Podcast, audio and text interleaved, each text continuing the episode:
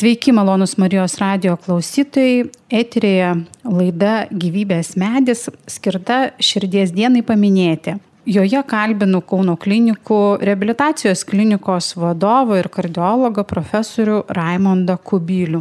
Labadiena ir jį kalbinu aš, Kauno klinikų dvasinė asistentė Svetlana Adler Mikulieninė. Tai pradėkime nuo šios dienos svarbumo. Pasaulinė širdies diena minima jau trečiąjį dešimtmetį ir apima daugiau negu šimtą šalių. Kuo svarbu minėti ją Lietuvoje? E, iš tiesų, kiekvienų metų rugsėjo 29 dieną pasaulinė širdies federacija kreipėsi į visas šalis skatindama atkreipdėmėsi į pagrindinį, turbūt ir didžiausią visame pasaulyje susirūpinimą kelinti susirgymą arba visas mirtis įvykusias dėl širdies ir kraujagyslių lygų. Neatsitiktinai ir Lietuvoje per visą nepriklausomybės laikotarpį dėja mirtis ir sergamumas dėl širdies kraujagyslių lygų yra pagrindinė mirčių priežastis. Ir rodos nepaisant to, kad šiandieną šalyje turime visas šio laikinės intervencinio, operacinio ir medicamentinio gydimo galimybės, aktyviai Lietuvoje vykdomos širdies lygų prevencijos programos, kurių pagalba ieškome, kaip anksti diagnozuoti ankstyvas širdies lygas, tačiau dėja rodos pačias valdyti sergamumą ir mirštamumą dėl širdies kraujagyslių lygų yra gana sudėtinga. Ir šiumetinis e, pasaulio širdies federacijos šūkis yra tai, kad iš tikro turime visi sergantieji arba visi asmenys turime kurti savotišką sveiką širdžių tinklą ir turime stiprinti, aktyvinti tarpusavę bendradarbiavimą, atkreipiant dėmesį į labai svarbius širdies rizikos veiksnius. Taip pat turime atkreipti dėmesį ir skirti dėmesį mūsų pančiai aplinkai, nes vienas iš šūkių ir akcentų šiumetinio, šiumetinio širdies minėjimo yra tai, kad turime atkreipti dėmesį naujuosius širdies rizikos veiksnius, kaip antai jau šią vasarą, kuriuos mes patys patyrėme, tai yra didelis aplinkos karštis, ypatingai dėmesį skiriama užterštumo kietosiomis dalelėmis, kuris mokslininkų nuomonė gali sąlygoti netgi kas ketvirtos e, mirties dėl širdies kraujagyslių lygų priežastį. Tai natūralu tos pasikeičiusios atmosferos aplinkos e, aplinkybės, tie nebylus ir varginantys širdies rizikos veiksniai galbūt per mažas pačių sergančiųjų įsitraukimas ir geresnė rizikos veiksnių kontrolė ir skatina prie to, kad ne tik Lietuvoje, bet ir visame pasaulyje dėja mirtingumas dėl širdies kraujagyslių lygų jis išlieka pagrindinė priežastimi. Dėkoju už šitą trumpą įžangą. Žiūrėkim toliau. Jeigu neturiu jokių nusiskundimų, ar tai reiškia, kad esu sveikas? Ar man nereikia rūpintis širdies lygomis ir, vad minėjot, profilaktinės programos, jos suskirstytos pagal amžių, kas turi paskatinti, susirūpinti ir susidomėti savo širdimi? Dėja, kalbant apie sargamumą širdies kraujagyslių lygomis, tos pačios lygos arba didėjai rizikos veiksniai yra didžiausias pastai patiems asmenims. Ir priminsime, kad pagrindiniai rizikos veiksniai tai yra padidintas ir nekontroliuojamas arterinis kraujospūdis, padidėjusi cholesterolio koncentracija, padidėjęs cukraus kiekis ir dėja šie visi rizikos veiksniai yra nebylus, pacientai jų nejaučia. Ir e, tik tai, tarkim, tas pirmasis kartais e, skaudus nutikimas, kaip tarkim, pirmą kartą atsiradę širdies skausmai ir išsivystęs ūminis miocardo infarktas arba patirtas galvos smegenų insultas. Ir kuomet pacientas pradeda ieškoti priežasčių, kodėlgi jam taip nutiko, nes jis sakė, aš taigi nieko nesiskundžiu, niekas ne, manęs nevargino, Tačiau, kai mes detaliau pradedam bendrauti su pačiu pacientu ir kai gydytoje rengame visus patikslintus duomenis, kuo jis sirgo, kas jį vargino, vertinam tą būsę medicinę dokumentaciją ir vis tik pamatom, kad dėja pacientas ilgą laiką turėjo padidinti arterinį kraujospūdį, dėja padidėjusi cholesterolio kiekis nekreipė dėmesio, nes pagrindinė priežastis buvo, taigi man neskauda.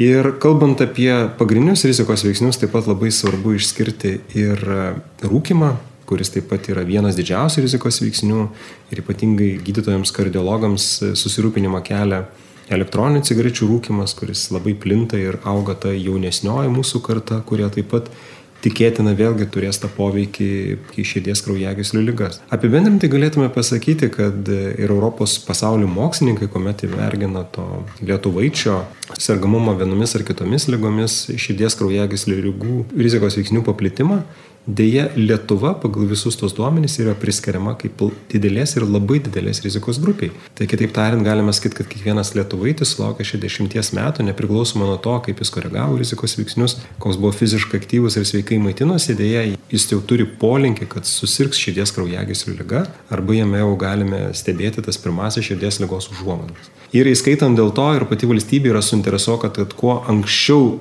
surasti tuos pacientus, kuriuose jau tūni tie slaptieji širdies kraujagyslių rizikos veiksniai. Tai yra visiems vyrams sulaukusiems 40, o moteriams sulaukusiems 50 metų, nepaisant, kad jie neturi jokių nusiskundimų, jau juos raginama atvykti pas savo šeimos gydytoją, kuris ištirs, atliks kraujo tyrimus, pamatos arterinį kraujospūdį, suskaičiuos galimus esančius rizikos veiksnius Ir jeigu jų tokių bus, jis būtinai nukreips e, detalesniam ištyrimui jau gydytojui kardiologui, kuris jau gali detaliai vertinęs, kruopščiau ištyręs, nes turi tokias galimybės ir paskirti jam gydimą.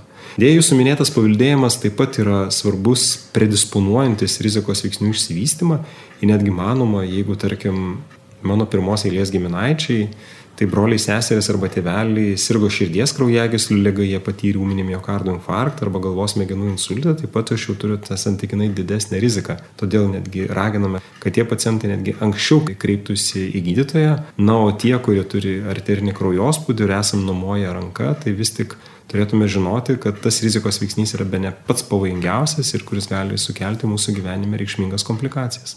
Mes dabar kalbėjom apie vyresnio amžiaus žmonės, O vaikams ar reikia matuoti kraujospūdį? Nes... Atsižvelgiant į tai, kad iš tikrųjų vis jaunesniems pacientams, tarkim, paauglystėje jau surandame padidintą arterinį kraujospūdį, tai, tai rutiniškai mes kiekvienam ir save laikančiam sveiku, aktyviu vaiku mes turėtume pamatuoti arterinį kraujospūdį. Netgi vairios Europos šalis ragina, kad sulaukusiems 12-16 metų jam jau turėtume būti ištirta lipidograma, tai jam turėtume ieškoti ir žinoti, ar nėra padidėjusi cholesterolio koncentracija, o esant tokia jau pradėtume aktyviai valdyti. Taigi mes matome, kad vis tik ir sveikatos politika orientuota į tai, kad turėtume galimybę kuo anksčiau, kuo anksčiau įvertinti ir sužinoti jauname žmoguje slypinčius rizikos veiksnius. Ir antra, taip pat norisi atkreipdėmėsi, kad e, įvairūs mokslininkai yra prikūrę daug įvairių skaičiuoklių, kuriuose suskaičiuodami tam tikrus e, rizikos veiksnius, lytį, amžių, galėtume prognozuoti, kokia tikimybė susirgti yra širdies kraujagyslių lyga. Ir neretai gydytojai naudoja naują terminą, kad mes žinom, kad yra toks terminas biologinis amžius ir neretai sakoma, kad yra kraujagyslių amžius. Ir tarkim, nekreipdami dėmesį į biologinį amžių, o vien tik įvertindami kraujagyslių amžių, mes galime prognozuoti, kiek tokiam pacientui gali susirgti širdies kraujagyslių lyga. Ir jūsų minėti jauno amžiaus pacientai, tarkim, jūs galime sakyti, biolo, biologinis amžius yra 30, tačiau dėl intensyvaus rūkimo, mažo fizinio aktyvumo, padidinto ir nekoreguoto arterinio kraujospūdžio, esančio padidinto cholesterolio, jo kraujagyslių amžius gali prilygti kaip 60 mečio.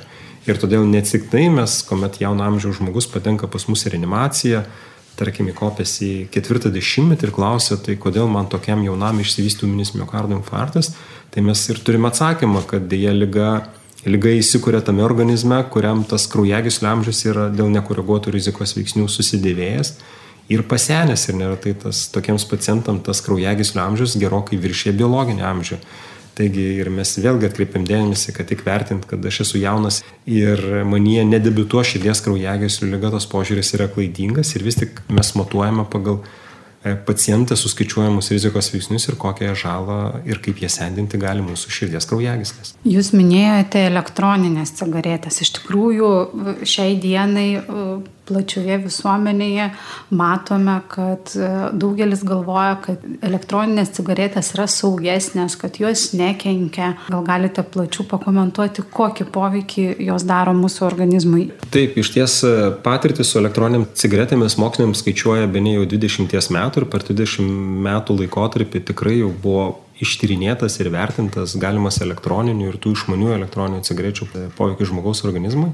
Dė tenka pripažinti ir kardiologai pabrėžia, kad, e, kurie netgi ir tose gydymo, gydytojų rekomendacijose pabrėžia, kad kalbant, kad bet kokios rūšies tabako rūkimas yra kenksmingas sveikatai ir tai turėdama minį įtraukia ir elektroninės cigaretės. Šiandieną turbūt vienintelį pateisinimą elektroniniam cigaretiniam turim tik tuo atveju, kad jeigu pacientas nusprendžia mesti rūkyti klasikinės cigaretės, tai jam toks tiltas nuo perėjimo visiško atsisakymo rūkyti, tai yra rekomenduojamos elektroninės cigaretės. Dėja tenka patvirtinti, kad be ne įvairių naujų medicininių prietaisų, įskaitant, tarkim, ir elektroninės cigaretės, nes pradžios buvo sukurtos kaip alternatyvi galimybė pacientams mesti rūkyti, dėja šiandien Amerikos e, vaistų ir maisto administracija nėra patvirtinusi elektroninės cigaretės kaip e, pereinamosios priemonės, kurią galėtume rinktis metant rūkyti, nes jie mano, kad tokiai priemoniai tvirtinti dar trūksta įvairių mokslinių įrodymų. O kalbant turbūt populiariai galime sakyti, kad e, šiandien gydytojai neturi jokios abejonės, kad elektroninės cigaretės taip pat pasižymi neigiamų poveikių sveikatai. Netgi moksliniai tyrimai rodyti, kad 30 e, minučių elektroninės cigaretės rūkimas taip pat didina arterinį kraujospūdį, ko pasiekoje padidėja širdies sustraukimų dažnis. Rūkant elektroninės cigaretes, jos taip pat yra pažeidžiamas ir kraujagys lendotolius, kuris yra pamatinis mechanizmas širdies aterosklerozės vystimuisi. Ir ypatingai didžiausias surūpinimo kelia to mūsų jauno amžiaus e, paauglių vis didesnis e, elektroninių cigarečių rūkimas. Štai nepersiniausiai pristatyta Amerikos mokslininkų tyrimai rodo, kad vamas kas trečias, ketvirtas paauglys jau yra išbandęs arba nuolat rūko elektroninės cigaretės. Ir tenka pabrėžti, kad šiuo atveju apie elektroninės cigaretės, ypatingai kai jos naudoja paauglys, tai kalbam ne tik apie neigiamą poveikį širdies kraujagyslių sistemai, bet tačiau kalbam apie neigiamą poveikį įvairioms dar besiformuojančiams sistemoms, apie neigiamą poveikį plaučių audiniams, apie neigiamą poveikį galvos smegenims, nes yra rodyta, kad įrūkant elektroninės cigaretės vis tik blogėja prastė mąstymas, trumpalaikė atmintis. Priminsime, kad nervinis ir galvos smegenų audinys galtinai susiformuoja tik tai pacientams sulaukusiems 20-25 metų, jeigu mes kalbam apie paauglį, tai natūralu, kad tas įkvepiamas nikotinas, jis taip pat turi neigiamą poveikį tom dar besivystančiom ir augančiam sistemam.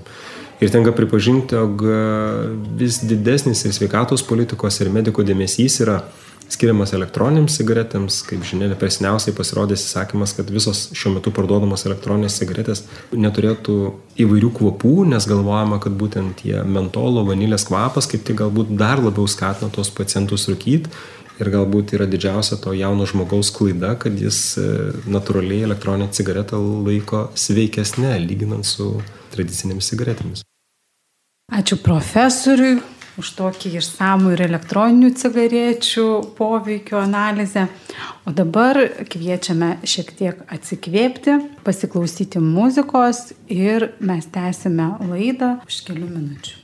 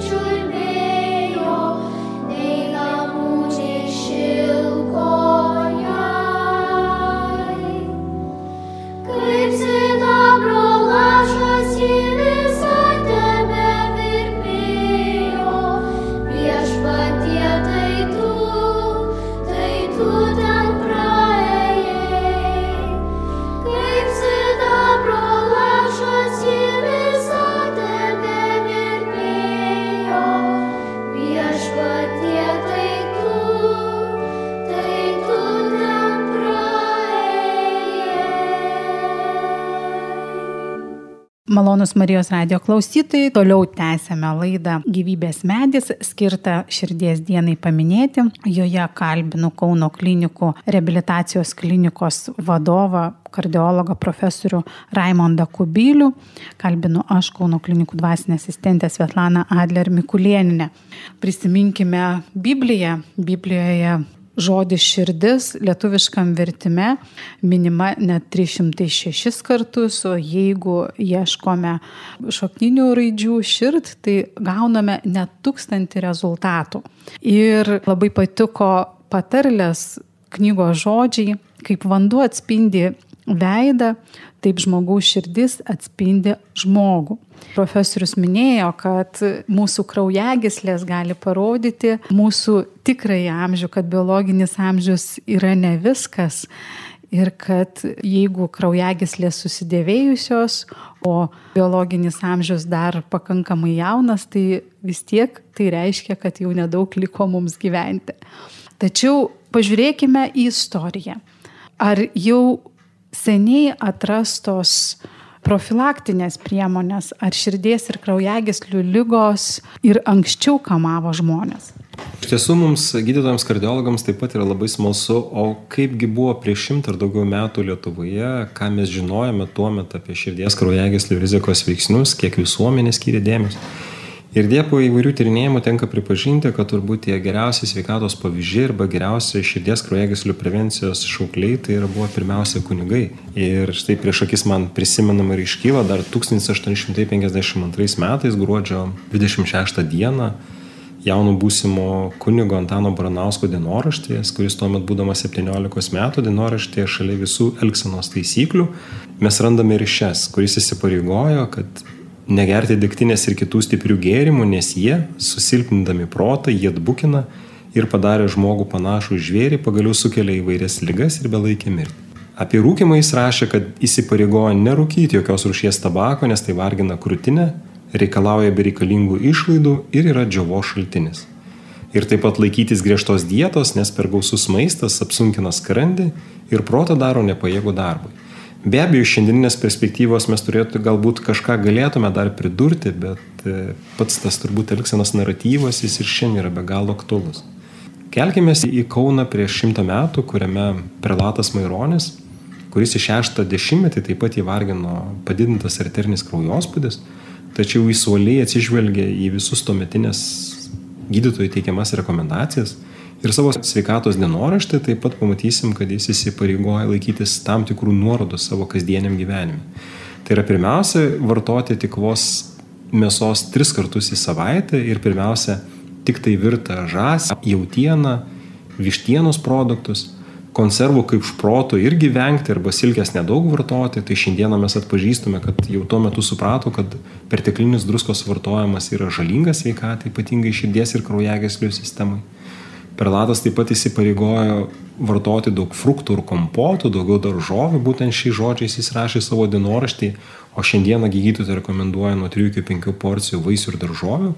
Ir likusios rekomendacijos buvo, kad e, išgerti rūgiausiai pieno vakarieniai ir suvartoti 3 stiklinės pieno su duona ir gal tos paskutinės rekomendacijos jau buvo su tuo, kad tai vis tiek tuo metu smetoninė Lietuva tai buvo agrarinė šalis ir galbūt vėlgi tai buvo labiausiai prieinami tie produktai.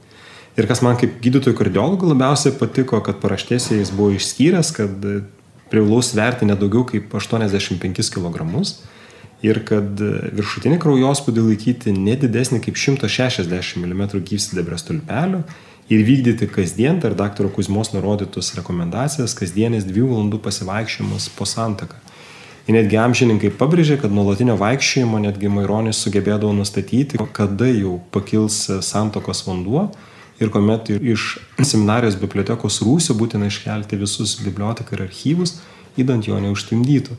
Ir mes matome, ir netgi mes juokaudome, jeigu, tarkim, 2016 metais mes turėjome arterinės hipertenzijos valdymo rekomendacijos, ir jeigu mes e, peržvelgtume, kas buvo rekomenduota iš nemedikamentinio gydimo, kokio kraujospūdžio vertės ir kokio kūno svorį pagal paciento amžių reiktų palaikyti, mes sakytume, kad tos e, Maironio pasirašytos rekomendacijos jos yra gana identiškos ir netgi po šimto metų mes privalom vadovautis labai panašiomis nuorodomis, kurias vykdė šios 60 metų sulaukęs prelatas. Ačiū Jums už istorinės išvalgas ir mes labai dažnai girdime, va, ir Jūs dabar minėjote Maironį, apie aukštąjį kraujospūdį, tačiau ar žemas kraujospūdis, jisai irgi turėtų būti turbūt negerai ir ar pasitaiko jūsų darbė ir jūsų praktikoje žemo kraujospūdžio problemų. Taip, dėja, rodosi, kad daugiausiai gydytojai skiria padidinto arterinio kraujospūdžio problemai, tačiau mes taip pat matom, kad pamažintas kraujospūdis, kurio ypatingai skundžiasi jauno amžiaus žmonės, neretai ir vyresnio amžiaus pacientai, kai kurie taip pat juos labai vargina.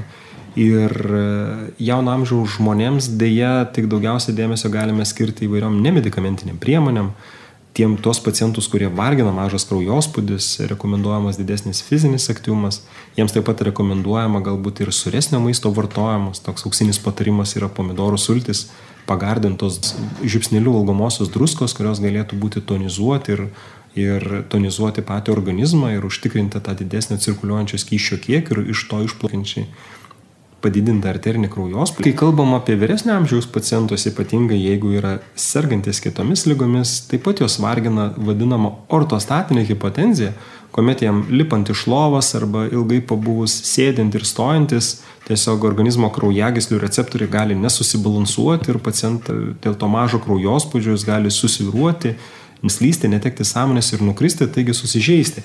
Tai tarkim, ir tiem vyresnio amžiaus pacientams, ypatingai vat, tokiose būklėse taip pat reiktų atkreipti dėmesį. Tai yra mes pirmiausia rekomenduojam jums viską daryti neskubant, lietai, tarkim, atsikeliant iš lovos pirmiausia pasidėti nuleidus kojas, kiek pasidėjus palengva atsistoti ir tai atsistoti kažką įsikibusi, tarkim, ir ta tokia ortostatinė arba ateinanti hipotenzija arba mažesnis kraujospūdis taip pat gali varginti, o pargriuvus jis gali sukelti ir, ir palyginus didelės žalos. Tačiau šiandien neturim dėja kažkurių medikamentų, kurio pavartojus mums padėtų pasididinti arterinį kraujospūdį. Tik bendrais atvejais sakome, kad e, tuos, kurios vargina pamažintas arterinis kraujospūdis, jau dėl to išplaukiančios prastesnė nuotaika, tai vienos ar dviejų kavos podelių išgerimas ir taip bendras organizmo patonizavimas tikrai nėra žalingas organizmui. Tai kava reabilituota tokiem žmonėm, kad tikrai su aukštuoju tai nerekomenduoja kavos gerti, o jeigu yra žemas, tai kava iš tikrųjų padėtų žmonėm gyventi. Taip, ir praėjusiam kardiologo kongresė net buvo išskirta ir tikslinė kavos suvartojimo vertė. Jeigu, tarkim, mes suvartojame per dieną bent septynis nefiltruotus kavos podelius, tai reiškia, tai yra jau galimas rizikos veiksnys, nes kava savo užplikoma kavos sudėtyje taip pat įvairių medžiagų, kurios gali įtakoti ir didinti cholesterolio koncentraciją tais atvejais, jeigu mes jos naudojame daug. Ir gydytojai mano, kad vis tik tas preferencijas reiktų duoti filtruotai kavai, kuri galimai yra kažkiek sveikesnė. Tačiau vartojant kavos 2-4 podelius per dieną, tai vis tik manoma, kad nėra jokios žalos širdies ir kraujagyslių sistemai. Ir pereikim prie e, naujausių mokslinių atradimų, rekomendacijų. Jūs jau minėjote tos rizikos veiksnius kaip triukšmas, kaip e, kietosios dalelės, bet Dabar aptarkim plačiau. Iš tiesų, kardiologai šiandien suskaičiuoja daugiau kaip 40 įvairiausių rizikos veiksnių. Ir turbūt daug tų veiksnių kasmet atsiranda vis naujų. Tarkim, buvo įvardinta, kad COVID-19 laikotarpį atsiradusi izolacija ir, ir apribotas pacientų judėjimas taip pat pasirodė kaip rizikos veiksnys, nes Olandijos mokslininkai išmatavo, kad visi pacientai, vyresnio amžiaus pacientai, kuriems yra diagnozuota išeminė širdies lyga, pandeminiu laikotarpiu bent 42 minutėm daugiau jie praleido sėdėdami negu kitomis dienomis ir iš ties jau tos 42 minutės yra labai reikšmingos pabloginant žmogaus sveikatą. Iš kitų rizikos veiksnių daug dėmesio pastaruoju metu, metu kreipiame ir psichosocialiniams arba stresiniams veiksniams. Ir tarkim, kai mažesnė nei 6 valandų miego trukmė, sutrikęs miegojimas, neišsimiegojimas, bloga nuotaika, kurie reikšmingai netgi iki 30 kelių procentų gali didinti polinkį susirgti širdies kraujagyslių lyga. Ir priešingai, tarkim, optimizmas spinduliuojanti gerą nuotaiką iki 45 procentų mažina širdies kraujagyslių lygų išsivystymą. Taigi paskutiniu metu psichologiniams veiksniams taip pat skiriame daug dėmesio. Taip pat tenka pabrėžti, kad geriausias draugas, tiek kuris nori apsisaugoti nuo širdies kraujagyslių lygų arba kuris jau serga, tai gali būti reguliarus kasdienis fizinis aktyvumas nes gydytojai kardiologai pabrėžia, kad sėdėjimas daugiau kaip 6 valandas nepertraukiamai taip pat yra polinkis susirgti rizikos, susirgti įvairiais rizikos veiksniais. Ir be abejo tenka pripažinti, kad ir jūsų minėtas užterštumas kietosiomis dalelėmis, elektroninių cigarečių rūkimas taip pat yra labai reikšmingi rizikos veiksniai, ypatingai pabloginantis jau sergančių širdies kraujagyslių lygomis būklę.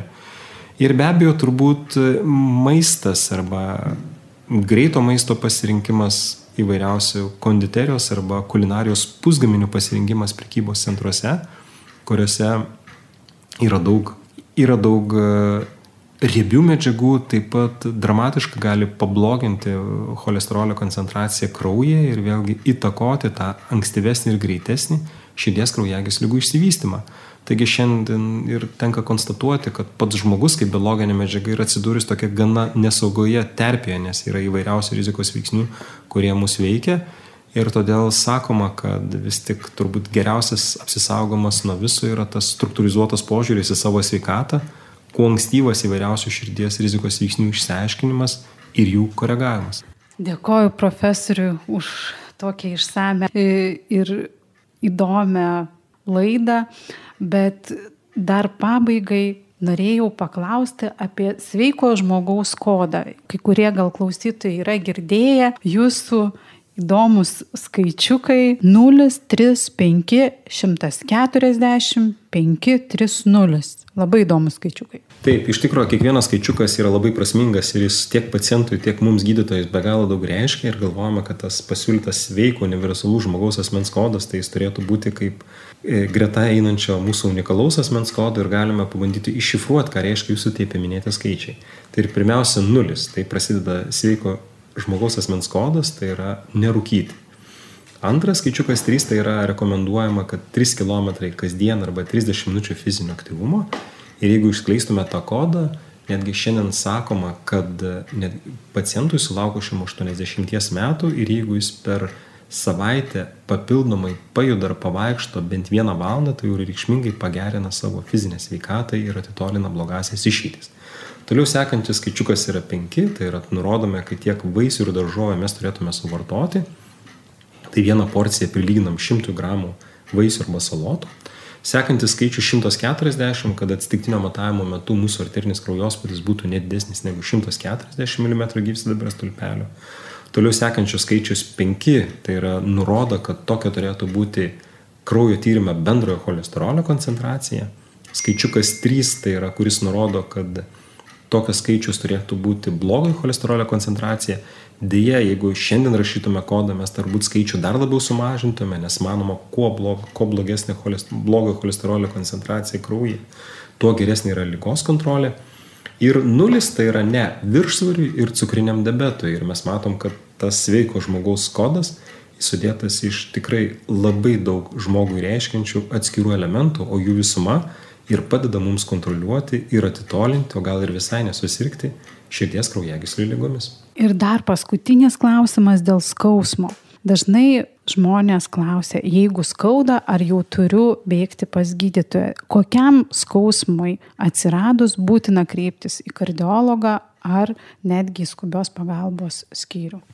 Be abejo, nuolat pirmiausia, pats skausmas širdies plotė mums asocijuoti su pačiomis blogiausiamis išeitimis ir jeigu mes pakalbintume pacientą patyrusių mini miocardo infarktais, paprastai atsakytų taip.